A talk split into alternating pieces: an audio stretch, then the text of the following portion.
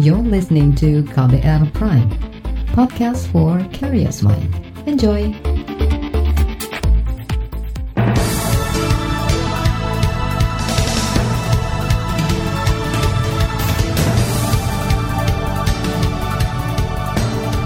Selamat pagi saudara. Senang sekali kami bisa menjumpai Anda kembali melalui program Buletin Pagi edisi Senin 19 Oktober 2020. Bersama saya Naomi Liandra. Informasi yang kami hadirkan pagi ini di antaranya Kampanye tatap muka di Pilkada tingkatkan angka positif COVID-19. Komite Aksi Solidaritas untuk Munir curigai kematian Polikarpus.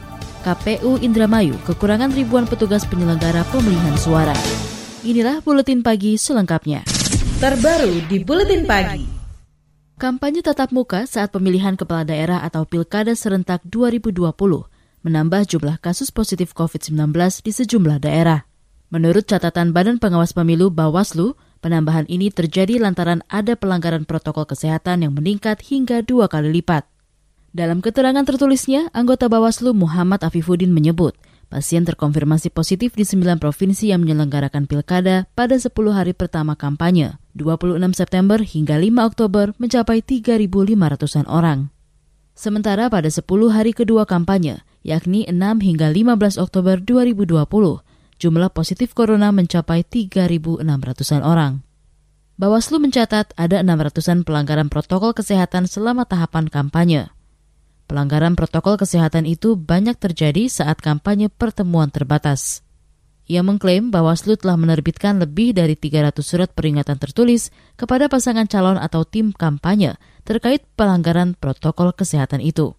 Bahkan Bawaslu melakukan lebih dari 80 tindakan pembubaran selama masa kampanye Pilkada serentak 2020. Kementerian Dalam Negeri atau Kemendagri juga menemukan puluhan pelanggaran protokol kesehatan yang dilakukan peserta pilkada serentak sejak September hingga Oktober 2020. Menurut juri bicara Kementerian Dalam Negeri Beni Irwan, pelanggaran pertemuan terbatas mendominasi pelanggaran protokol kesehatan terlihat data ada 98 aktivitas yang melanggar protokol kesehatan di dalam kampanye pilkada. Nah, itu merupakan akumulasi dari pelanggaran yang terjadi mulai tanggal 26 September sampai dengan 15 Oktober yang lalu. Jadi kalau mau kita rinci, pelanggaran terbesar itu jumlahnya pertemuan uh, terbatas yang jumlahnya lebih dari 50 orang. Dari 98 itu sebenarnya 90, 95, 95 itu pelanggarannya pertemuan yang lebih dari 50 orang. Nah, tiga, uh, tiga, pelanggaran lainnya itu itu ada konser ya. Juru bicara Kemendagri Beni Irwan menyebut Kementerian Dalam Negeri terus berkoordinasi dengan KPU, Bawaslu, BNPB, dan kepolisian untuk memperketat pengawasan penyelenggaraan kampanye. Kemendagri juga telah mengimbau peserta pilkada agar menjalankan protokol kesehatan atau mengubah cara berkampanye. Salah satunya menggunakan media sosial atau cara daring lainnya. Komisi Bidang Pemilu DPR meminta Bawaslu dan KPU menindak tegas pasangan calon yang melanggar protokol kesehatan selama masa kampanye pilkada serentak di tengah pandemi COVID-19.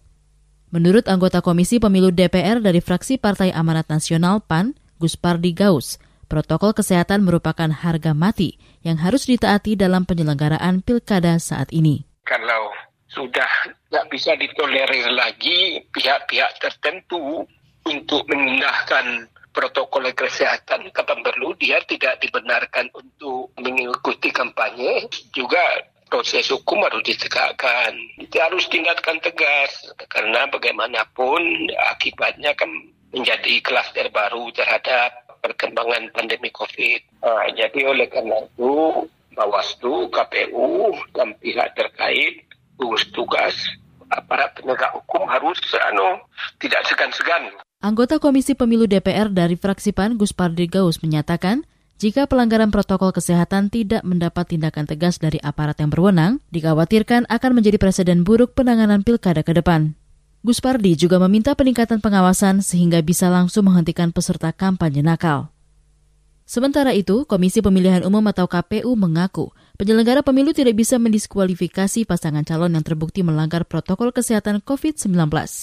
Dewa beralasan isu diskualifikasi belum diatur dalam PKPU ataupun peraturan pemerintah pengganti Undang-Undang Perpu. Kalau di dalam peraturan KPU kan hanya ada satu bentuk kampanye ya yang memungkinkan uh, kehadiran kampanye, yaitu kampanye tatap muka. Ya, kampanye tatap muka itu uh, dimungkinkan dengan jumlah uh, peserta ya, termasuk panitia dan juga tim kampanye ya, termasuk paslon. Jadi jumlah akumulatif itu 50 orang begitu 50 orang. Jadi uh, aturan dalam uh, PKPU uh, 13 2020 uh, seperti itu ya. KPU mendorong agar pasangan calon di Pilkada serentak 2020 menaati protokol kesehatan COVID-19 dalam setiap kegiatan. Selain itu, KPU masih menggiatkan sosialisasi kampanye melalui media sosial maupun secara daring. Desakan juga disampaikan LSM Pemantau Pemilu, Perkumpulan untuk Pemilu dan Demokrasi Perludem. Anggota Dewan Pembina Perludem, Titi Anggraini mendorong KPU, Bawaslu, dan penegak hukum memberi tindakan tegas terhadap pasangan calon kepala daerah dan tim ses yang melanggar protokol kesehatan COVID-19. Sebab Perludem khawatir angka kasus COVID-19 meninggat imbas kampanye tatap muka yang dilakukan pasangan calon peserta Pilkada serentak 2020.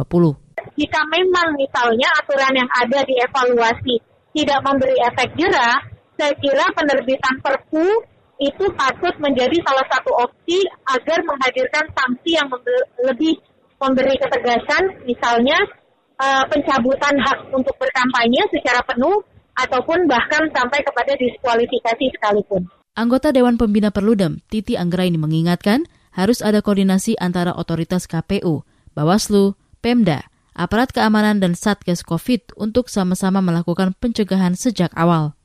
Sementara itu, hingga kemarin kasus positif COVID-19 di tanah air bertambah 4.100-an orang. DKI Jakarta tercatat masih menjadi provinsi dengan kasus harian corona tertinggi, yakni 971 orang. Penambahan juga tercatat pada jumlah pasien sembuh, yakni 3.700-an pasien. Dengan ini, total kasus sembuh mencapai lebih dari 285.000 pasien. Sementara pasien meninggal akibat COVID-19 bertambah sebanyak 80 pasien. Total pasien meninggal akibat COVID-19 mencapai 12.500-an orang. Saudara, Kominfo temukan ribuan hoax terkait COVID-19 di media sosial. Informasinya usai jeda. Tetaplah di Buletin Pagi KBR. You're listening to KBR Pride, podcast for curious mind. Enjoy!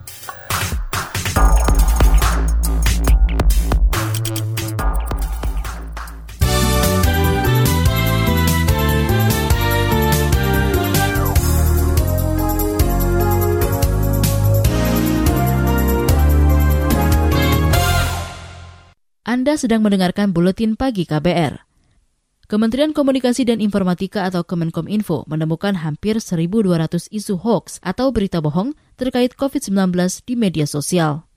Menkominfo Joni G. Plate menyebut temuan isu hoax itu tersebar di empat platform media sosial. Sejumlah 2020 sebaran, di Facebook 1497, di Instagram 20, di Twitter 482, dan di YouTube 21 yang sudah di take down diblokir sebanyak 1720 uh, 1759 ya di Facebook 1300 Instagram 15 uh, Twitter 424 dan YouTube 20. Menkominfo Joni G. Plate mengatakan saat ini Kemenkominfo telah memproses sekitar 260-an sebaran hoax.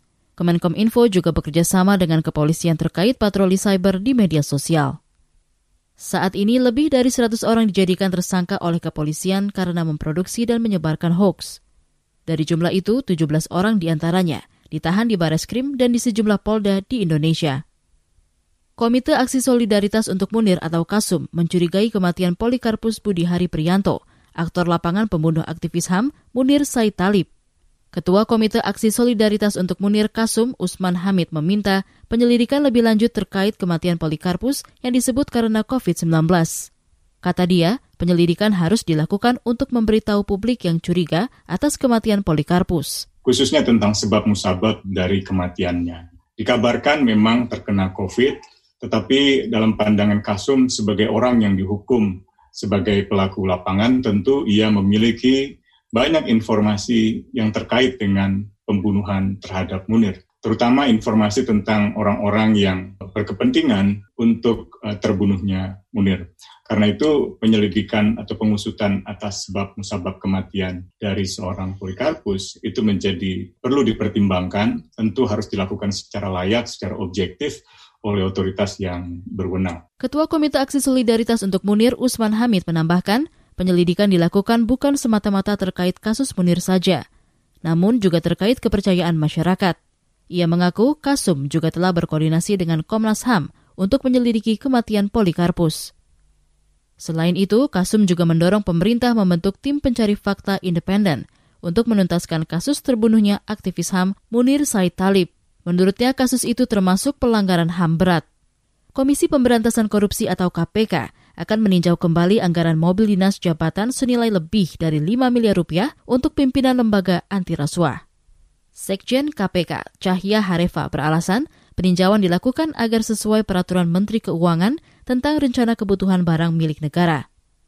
Ia berdalih pengadaan mobil dinas bagi pimpinan, dewas dan pejabat struktural itu untuk mendukung pelaksanaan tugas pokok dan fungsi KPK. Sekjen KPK Cahya Harefa menyebut selama ini pimpinan, dewas, pejabat struktural, dan seluruh pegawai KPK tidak memiliki kendaraan dinas. Mereka selama ini menggunakan tunjangan transportasi yang telah dikompensasikan dan termasuk dalam komponen gaji. Sebelumnya, Komisi Hukum DPR telah menyetujui anggaran pengadaan mobil dinas jabatan untuk pimpinan, Dewan Pengawas, dan pejabat struktural KPK.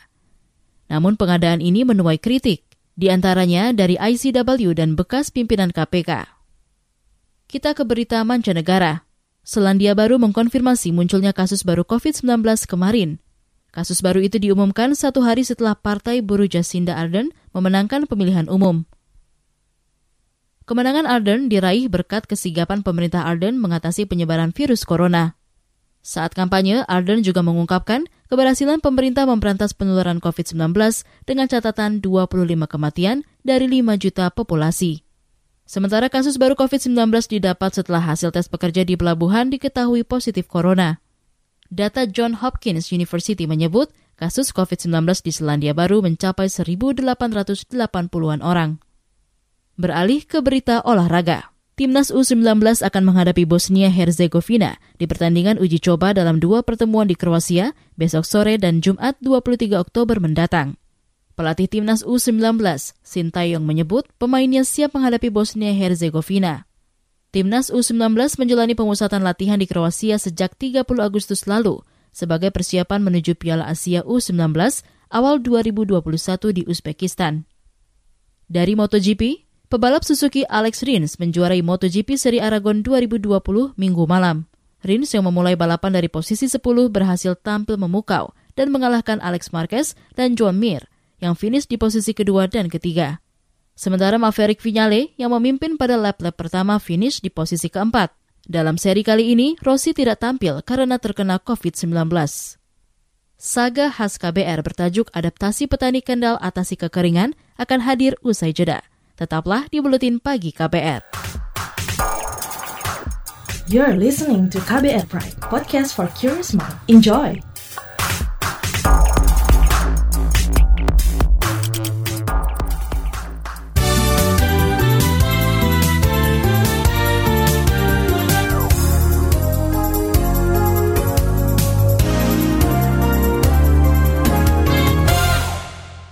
Kekeringan menjadi momok bagi petani di Kecamatan Ngampel, Kendal, Jawa Tengah saban tahun. Krisis air semakin parah dari tahun ke tahun akibat perubahan iklim. Sumber irigasi hanya mengandalkan air bendungan yang terus menyusut karena penggudulan lahan dan aktivitas penambangan. Akibatnya, petani selalu merugi karena hasil panennya anjlok. Namun petani Bojonggede menolak pasrah dan merintis terobosan untuk mengatasi pacaklik air – Jurnalis KBR Aninda Putri mencari tahu dan menyusun kisahnya.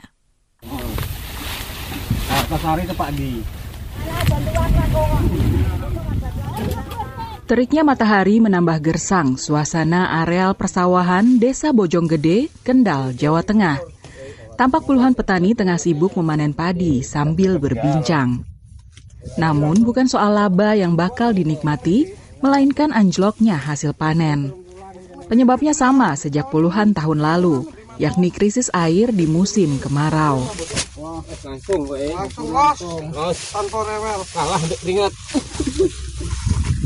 Kekeringan terlihat jelas di rekahan tanah yang menganga di hamparan sawah seluas 50 hektar.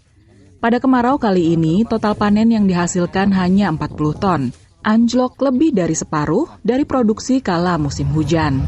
Sebelah kidulku mencukupi, sebelah lain tetap kekurangan.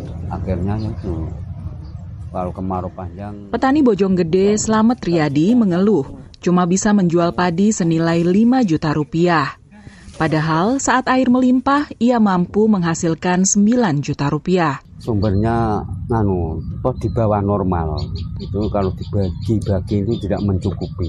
Akhirnya petani yang kayak bujong ini sebelah ujung-ujung itu mesti ada kekurangan air. Jadi akan gagal panen. Bendungan Juero merupakan satu-satunya sumber air irigasi petani Bojonggede dan desa lain sekecamatan Ngampel. Namun saat kemarau tiba, sawah selamat tak pernah kebagian pasokan air. Ini lantaran Bojonggede letaknya 15 km dari bendungan atau paling jauh dibanding 11 desa lain. Air sudah habis diperebutkan petani di desa-desa terdekat. Tak jarang ada pula yang berbuat curang dengan memblokir saluran air. Kalau buang sana tuh disedotnya ya rebutan caranya apa gelut omongi lah tapi mungkin dikuasai pihak desa setempat kono kan daerah Banyurep wong bojong Pak Anu nak orang Banyurep tercukupi baru bojong boleh nyedot. Berbagai upaya dilakukan petani Bojonggede agar tetap bisa bertanam padi saat kemarau. Seratusan petani di sana rela mengeluarkan duit ekstra Rp600.000 saban pekan untuk sewa pompa air. Mereka juga membuat sumur bor.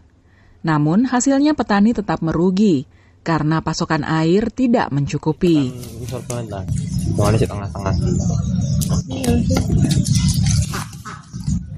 Tanjung Alim, petani muda Bojonggede, mengajak KBR melihat bendungan Juero. Angin di bendungan tampak surut. Tanjung menuturkan, debit air memang terus menyusut karena penggundulan hutan dan aktivitas penambangan. Paceklik air menjadi langganan sejak tahun 2000-an silam. Di saat kemarau itu seperti saat ini itu sawah kami tidak dialiri, tidak bisa teraliri sama air ya karena debit airnya sudah mulai menipis karena nggak ada uh, hutan ya sekarang sudah ada hutan tumbuh semua sudah diganti dengan galian-galian dan kita harus berebut air gitu harus berebut air uh, untuk bisa mengaliri sawah kita. Kondisi ini menggugah kelompok pemuda Desa Bojonggede bergerak mencari solusi. Sejak awal 2020, mereka merintis penanaman pohon penyimpan air seperti kenikir, gayam, dan jambu air di pematang sawah. Ayo dah, di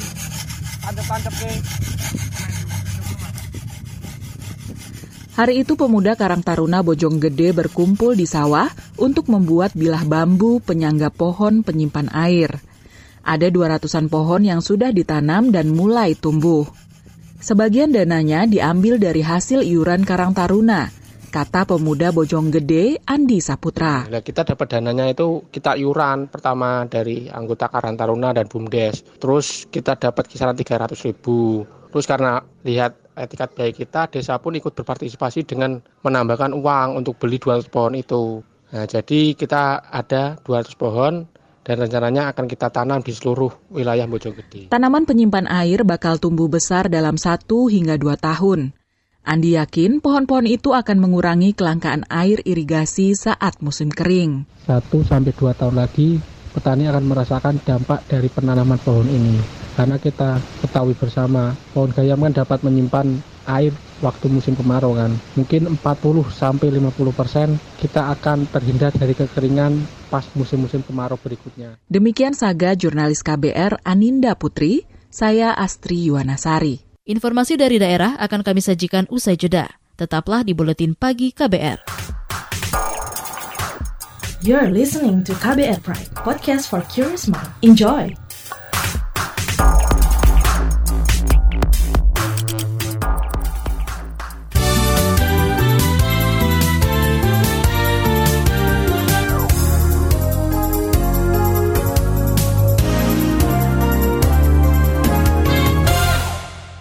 Inilah bagian akhir buletin pagi KBR.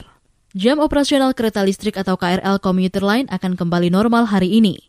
Juri bicara PT Kereta Komuter Indonesia atau KCI, Ane Purba menyatakan, KRL beroperasi mulai pukul 4 pagi hingga menjelang tengah malam atau seperti sebelum masa pandemi COVID-19. Dalam keterangan tertulisnya itu, Ane menyebut PT KCI akan mengoperasikan 993 perjalanan setiap hari dengan 91 rangkaian kereta. Namun, meski normal secara jam operasional, pembatasan jumlah penumpang masih diberlakukan. Dalam tiap gerbong kereta akan diisi 74 orang per kereta atau 40 persen dari kapasitas pengguna KRL. Sebelumnya, KCI mengoperasikan KRL Commuter Line mulai pukul 4 pagi hingga 10 malam. Puluhan ribu pelaku usaha mikro kecil menengah atau UMKM di Kabupaten Banyuwangi, Jawa Timur lolos verifikasi tahap pertama pendaftaran bantuan produktif usaha mikro atau BPUM dari Kementerian Koperasi dan UMKM. Bantuan itu untuk membantu UMKM agar tetap bertahan di masa pandemi COVID-19. Menurut Kepala Dinas Koperasi Usaha dan Perdagangan Banyuwangi, Nanin Oktavianti, dari jumlah itu, lebih dari 5.800 pelaku UMKM di Banyuwangi telah menerima dana BPUM 2,4 juta rupiah per pelaku usaha. Mudah-mudahan Banyuwangi di pengusulan yang tahap kedua ini lebih maksimal lagi. Kalau di tahap pertama untuk usulan kita lebih dari 70 ribu yang masuk di Kementerian Koperasi. Harapan kami di tahap kedua ini dengan sinergi dari pemerintah daerah, koperasi dan juga perbankan, kami berharap bisa lebih maksimal lagi. Itu tadi Kepala Dinas Koperasi Usaha dan Perdagangan Banyuwangi, Nanin Oktavianti. Sementara itu, salah seorang penerima BPUM, Farida, bersyukur bisa mendapatkan bantuan produktif usaha mikro BPUM dari pemerintah saat wabah corona. Kata dia, bantuan yang ia dapat akan digunakan berbelanja stok bahan untuk membuat rempeyek. Farida mengaku omset penjualan rempeyeknya menurun saat pandemi COVID-19.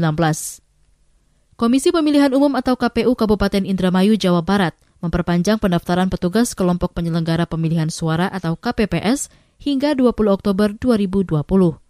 Alasannya, menurut Ketua KPU Kabupaten Indramayu Ahmad Tony Fatoni, jumlah petugas KPPS di kabupaten itu hingga 13 Oktober 2020 masih kurang 4.000 orang. Padahal total petugas yang diperlukan 23.000 orang untuk 3.200 tempat pemungutan suara atau TPS. Untuk KPPS sampai saat ini uh, belum memenuhi kebutuhan dan kita kemarin uh, sekitar 87 persen memang ada beberapa kecamatan dan desa yang belum terpenuhi kebutuhan KPPS-nya.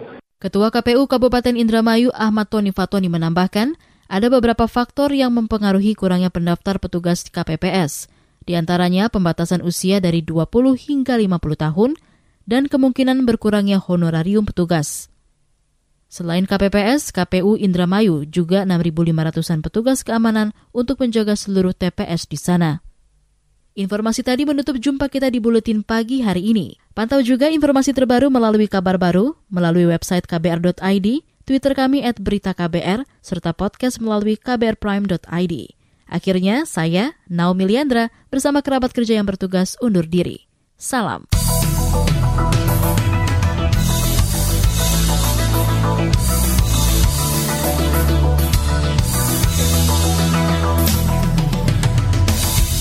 KBR Prime, cara asik mendengar berita.